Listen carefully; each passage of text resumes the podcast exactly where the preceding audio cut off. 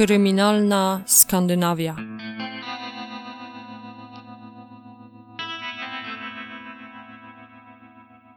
Ten podcast zawiera opisy brutalnych przestępstw i może nie być odpowiedni dla małoletnich słuchaczy. Zanim zaczniemy dzisiejszy odcinek, chciałabym podziękować Michałowi, Pawłowi, Agnieszce, Małgorzacie, Januszowi oraz Martynie za to, że wspierają mnie na Patronite. To jest jedyna forma jakiegokolwiek wsparcia dla mnie i mojej pracy. Reklam nie będzie i to mogę Wam obiecać. Przypominam również, że zdjęcia z każdej przedstawionej przeze mnie sprawy znajdziecie na Instagramie, gdzie nazywam się Kryminalna Skandynawia. Miłego słuchania.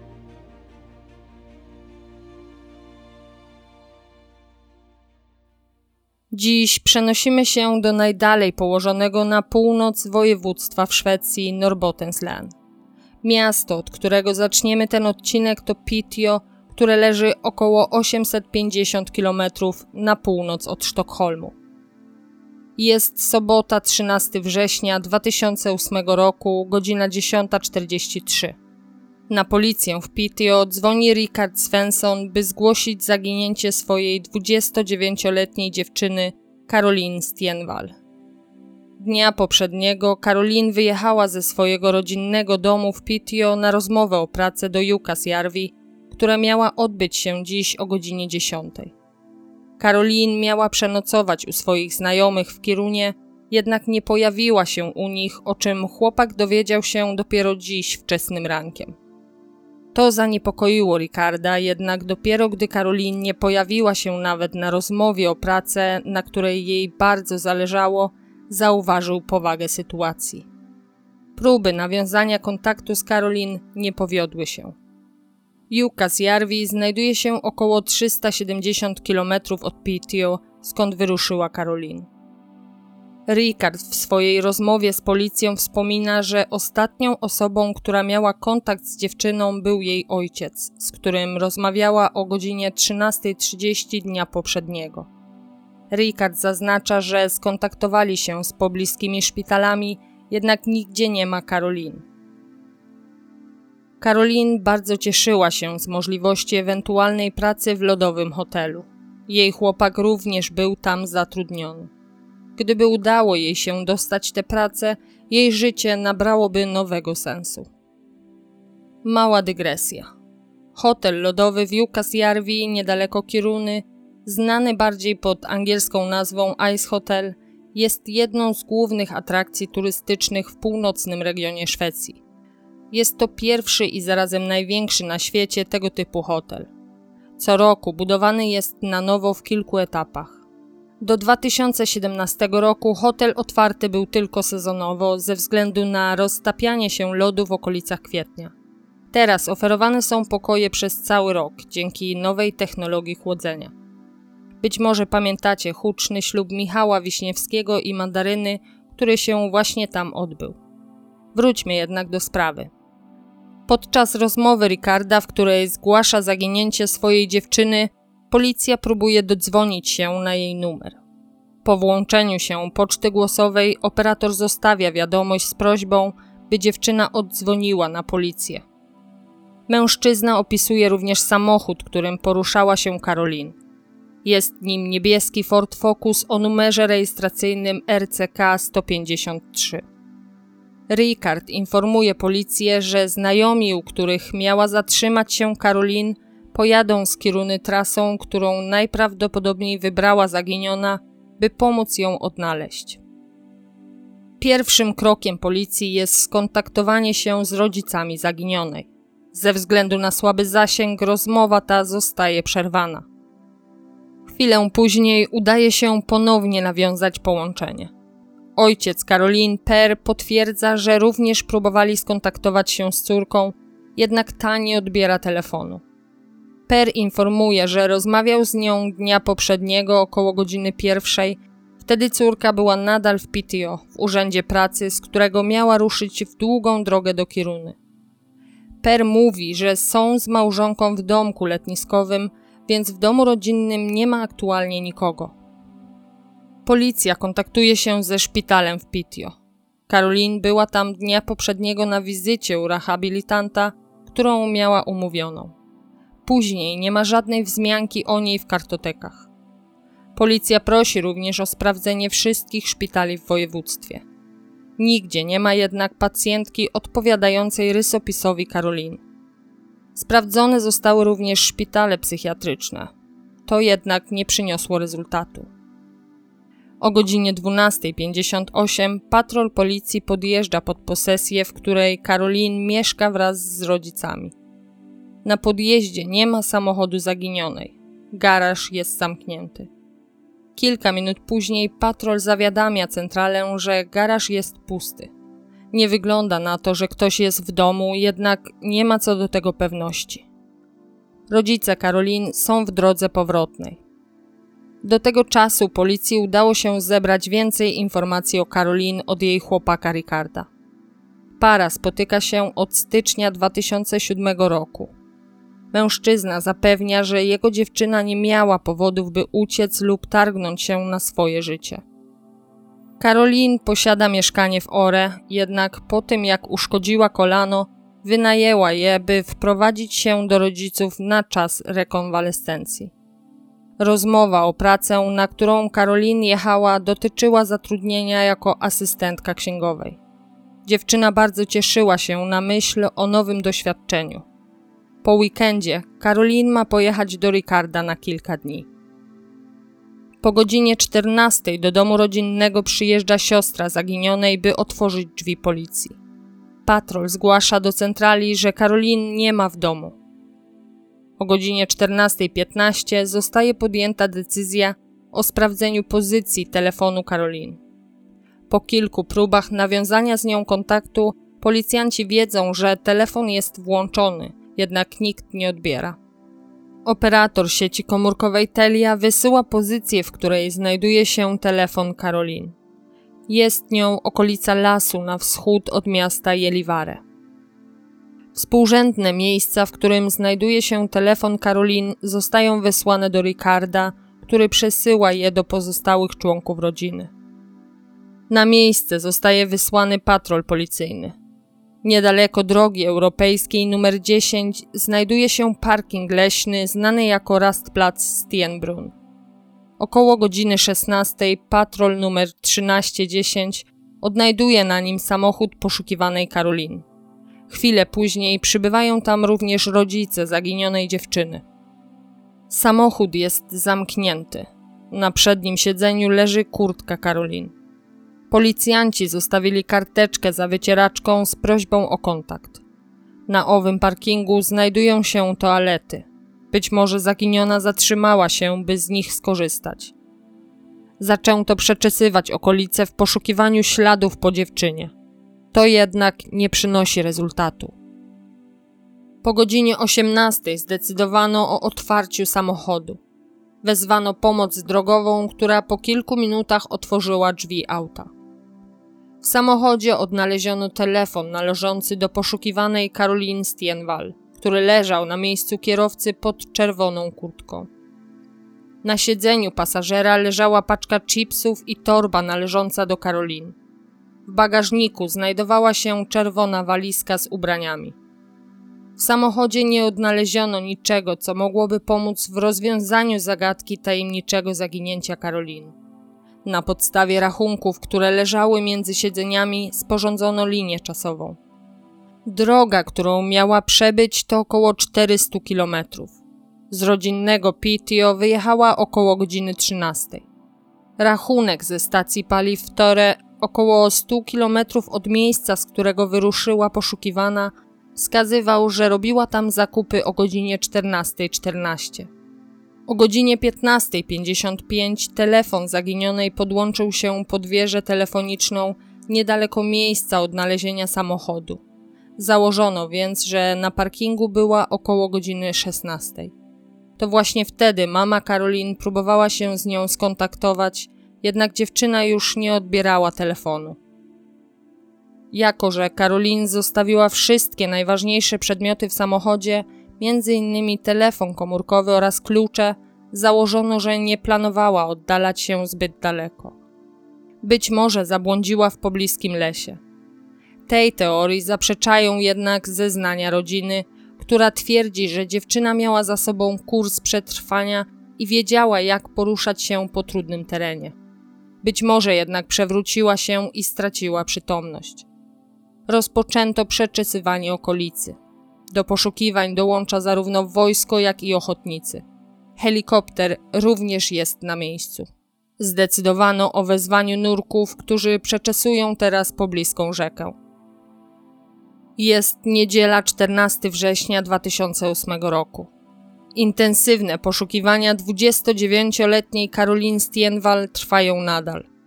Jeden ze śledczych wspominał, że oprócz pracy i snu te dni nie były przepełnione niczym innym. Nie miało to jednak znaczenia dla pracujących nad tą sprawą śledczych. Tego wieczoru zmieniono rubrykę przestępstwa z zaginięcia na uprowadzenie.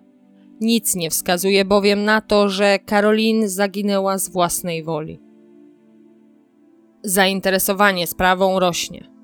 W prasie pojawiają się zdjęcia Karolin i informacje o jej zaginięciu. W programie Afterlist, który jest odpowiednikiem naszego programu 997, policjanci proszą wszystkich, którzy mają jakiekolwiek informacje o Karolin lub widzieli jej samochód dnia 12 września, by zgłaszali się na policję.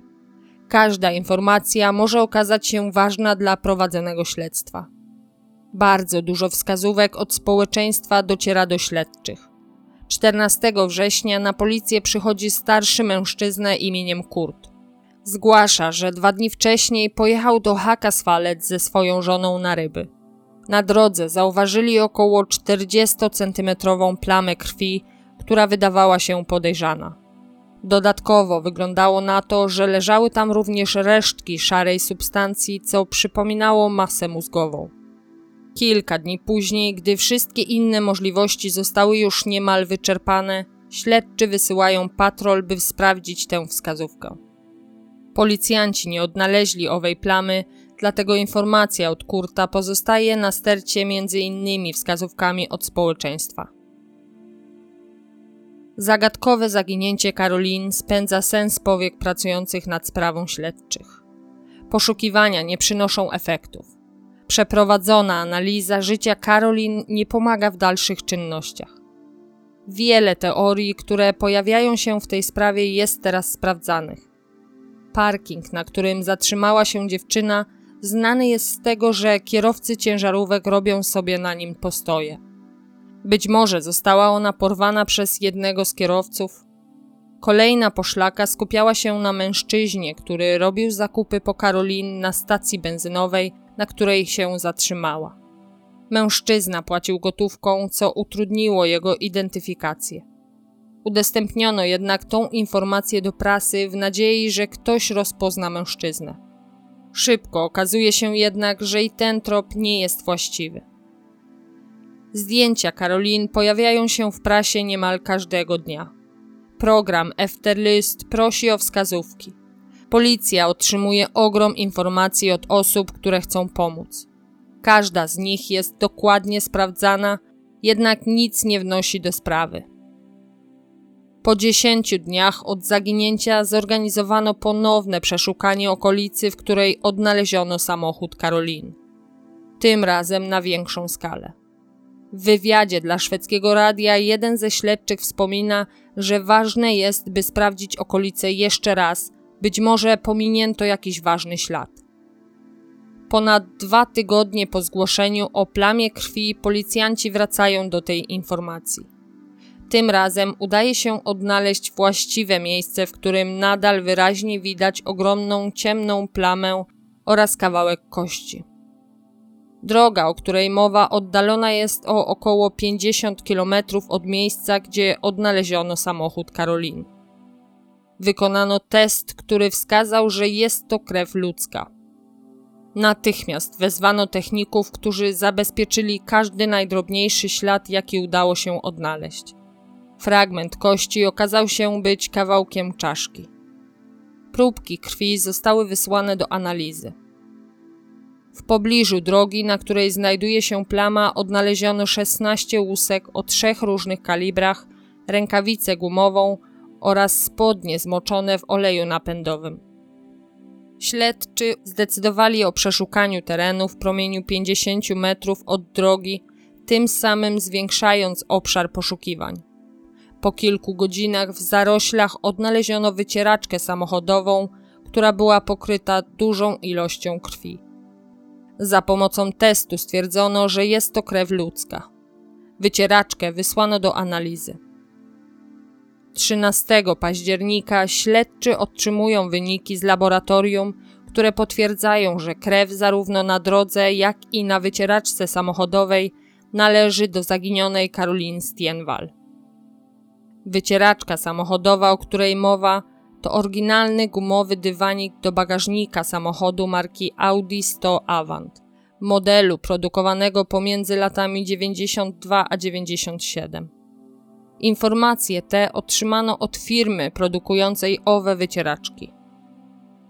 W całym województwie było około 2300 modeli tego samochodu. Zdecydowano więc, by zacząć od okolic zaginięcia Karolin Stienwal.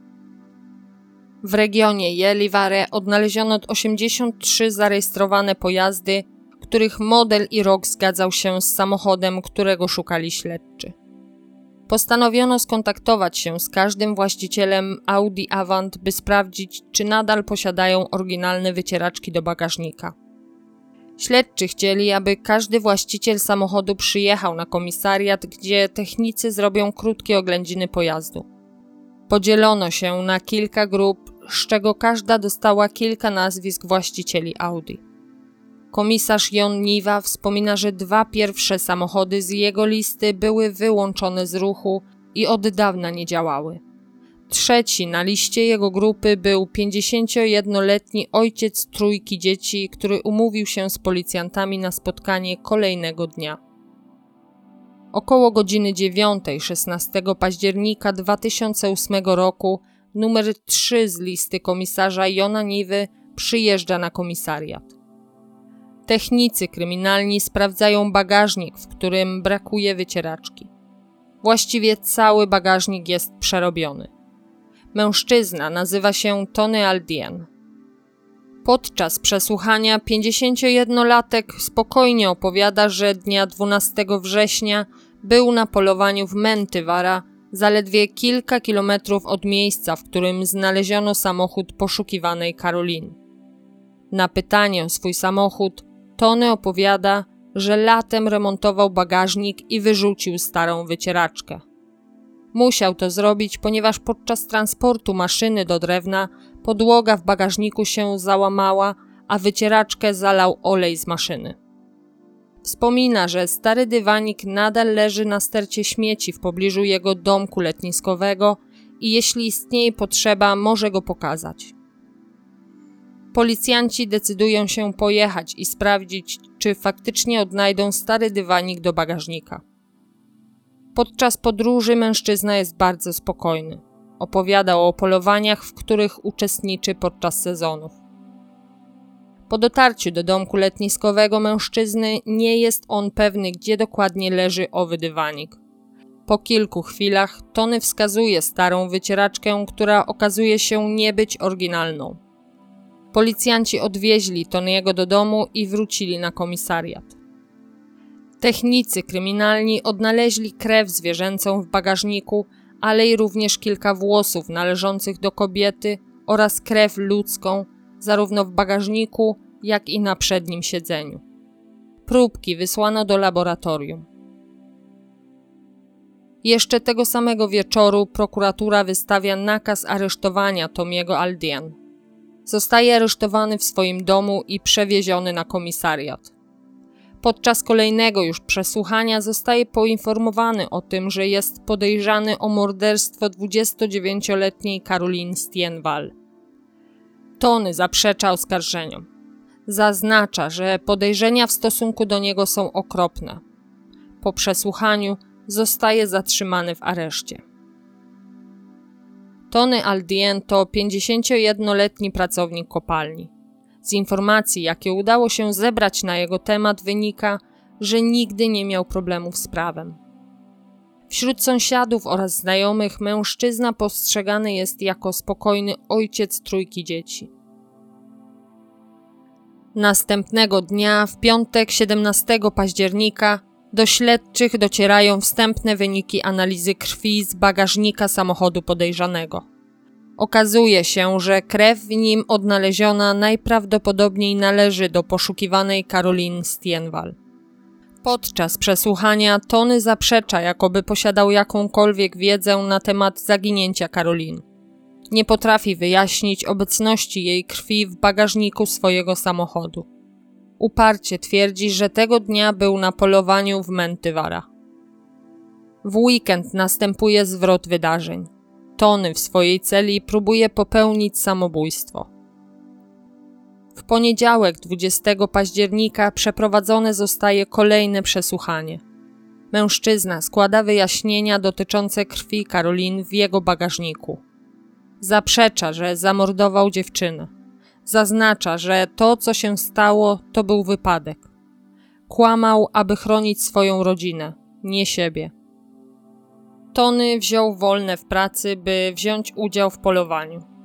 Na ten czas przeniósł się do domku letniskowego w Mentywara, około 50 km od parkingu Stienbrunn, gdzie odnaleziono samochód Karolin. Rankiem 12 września uczestniczył w polowaniu, jednak po krótkim czasie musiał je przerwać. Tony wpadł bowiem do strumyka i cały się zmoczył. Zdecydował, że pojedzie do domu, by się przebrać. W domku letniskowym próbował osuszyć ubrania. Rozpalił w kominku, przebrał się w swoje robocze ubranie i zaczął kosić trawę. Podkaszarka przestała działać. Tony zdenerwował się i postanowił wrócić do domu. Spakował więc wszystkie swoje rzeczy w samochód i przyczepkę. Wziął ze sobą śmieci, które zawsze wyrzuca na parkingu Stienbrunn w drodze do domu. Gdy wjechał na parking, Karolin szła w stronę swojego samochodu. Minął ją i nie jest pewny, czy nie zahaczył jej przyczepką. Gdy wysiadł z auta, dziewczyna krzyknęła do niego coś w stylu: Jak jeździsz, baranie? Tony otworzył bagażnik, w którym były śmieci. Wyjął je i gdy Karolin go mijała, popchnął ją, po czym odwrócił się, by wyrzucić owe śmieci. Dziewczyna musiała upaść i uderzyć głową w przyczepkę. Z buzi leciała jej krew. Gdy Tony to zauważył, wpadł w panikę. Na parking wjechał kolejny samochód. Mężczyzna wsadził więc Karolin do bagażnika i odjechał. Krążył kilka godzin, po czym wrócił do domku letniskowego, gdzie zostawił przyczepkę.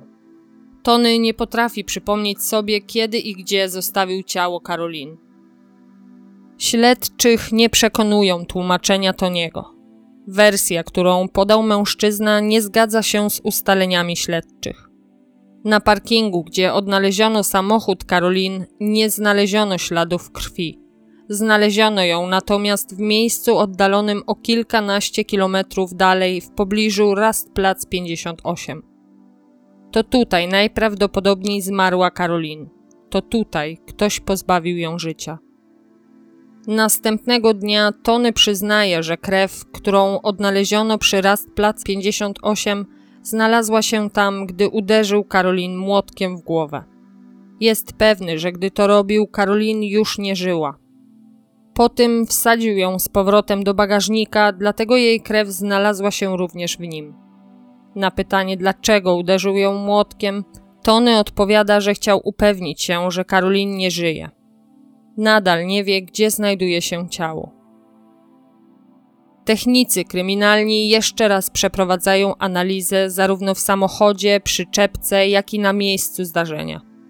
Nie udaje się odnaleźć nic, co potwierdziłoby wersję, którą opowiedział Tony Aldien o śmierci Caroline Stienwal. Dla śledczych sprawa nie jest zakończona. Ciało Caroline musi zostać odnalezione. Zaczyna się walka z czasem.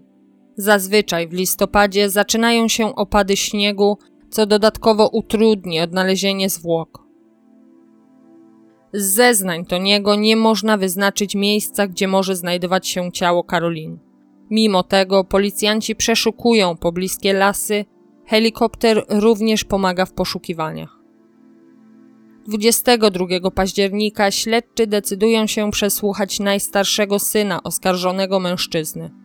Okazuje się, że chłopak nie ma alibi na dzień, w którym zaginęła Karolin Stienwal. Chłopak nie jest podejrzany. Nic nie wskazuje na to, by miał cokolwiek wspólnego z zaginięciem dziewczyny, jednak fakt, że był przesłuchiwany, wpłynął na zeznania jego ojca. Tony Aldien zdecydował się wskazać miejsce ukrycia zwłok. Po sześciu tygodniach od zaginięcia odnaleziono ciało Karolin Stienwal. Tony Aldien ukrył ją w lesie przy drodze oddalonej o 90 km od miejsca, w którym zaginęła dziewczyna. Gdy policjanci przybyli na miejsce, doznali szoku. Ciało Karoliny jest w makabrycznym stanie. Na miejsce natychmiast zostają wezwani technicy kryminalni. 24 października przeprowadzona zostaje wizja lokalna, w której oskarżony pokazuje, jak doszło do śmierci Karolin Stienwal. 29 października śledczy otrzymują wstępny raport z autopsji. Ofiara została postrzelona dwa razy, raz w plecy oraz z bliskiej odległości w głowę. Lekarz medycyny sądowej odnalazł również ślady po wielu uderzeniach, na jakie została narażona ofiara. Szczątki były również częściowo spalone. Wersja Toniego o przypadkowej śmierci Karolin nie zgadza się z raportem lekarza medycyny sądowej. Na kolejnym przesłuchaniu mężczyzna zmienia zeznania. Według nowych zeznań Toniego, po tym jak wsadził Karolin do bagażnika, jeździł długo bez celu nie wiedząc, co ma zrobić. Zatrzymał się przy Rast Plac 58, gdzie później odnaleziono plamę krwi.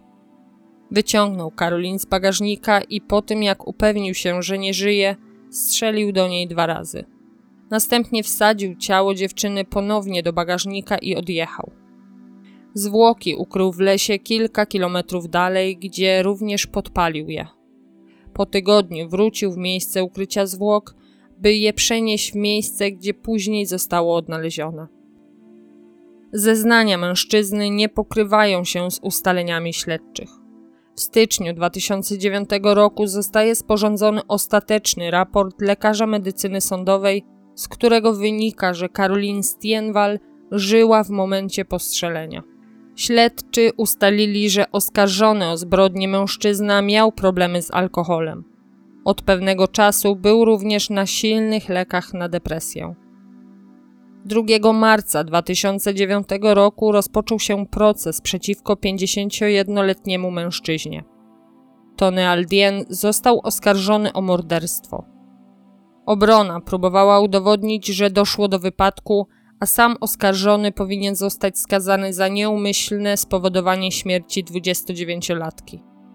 Podczas procesu prokurator przedstawił fakty, które mogły świadczyć o seksualnym motywie zbrodni.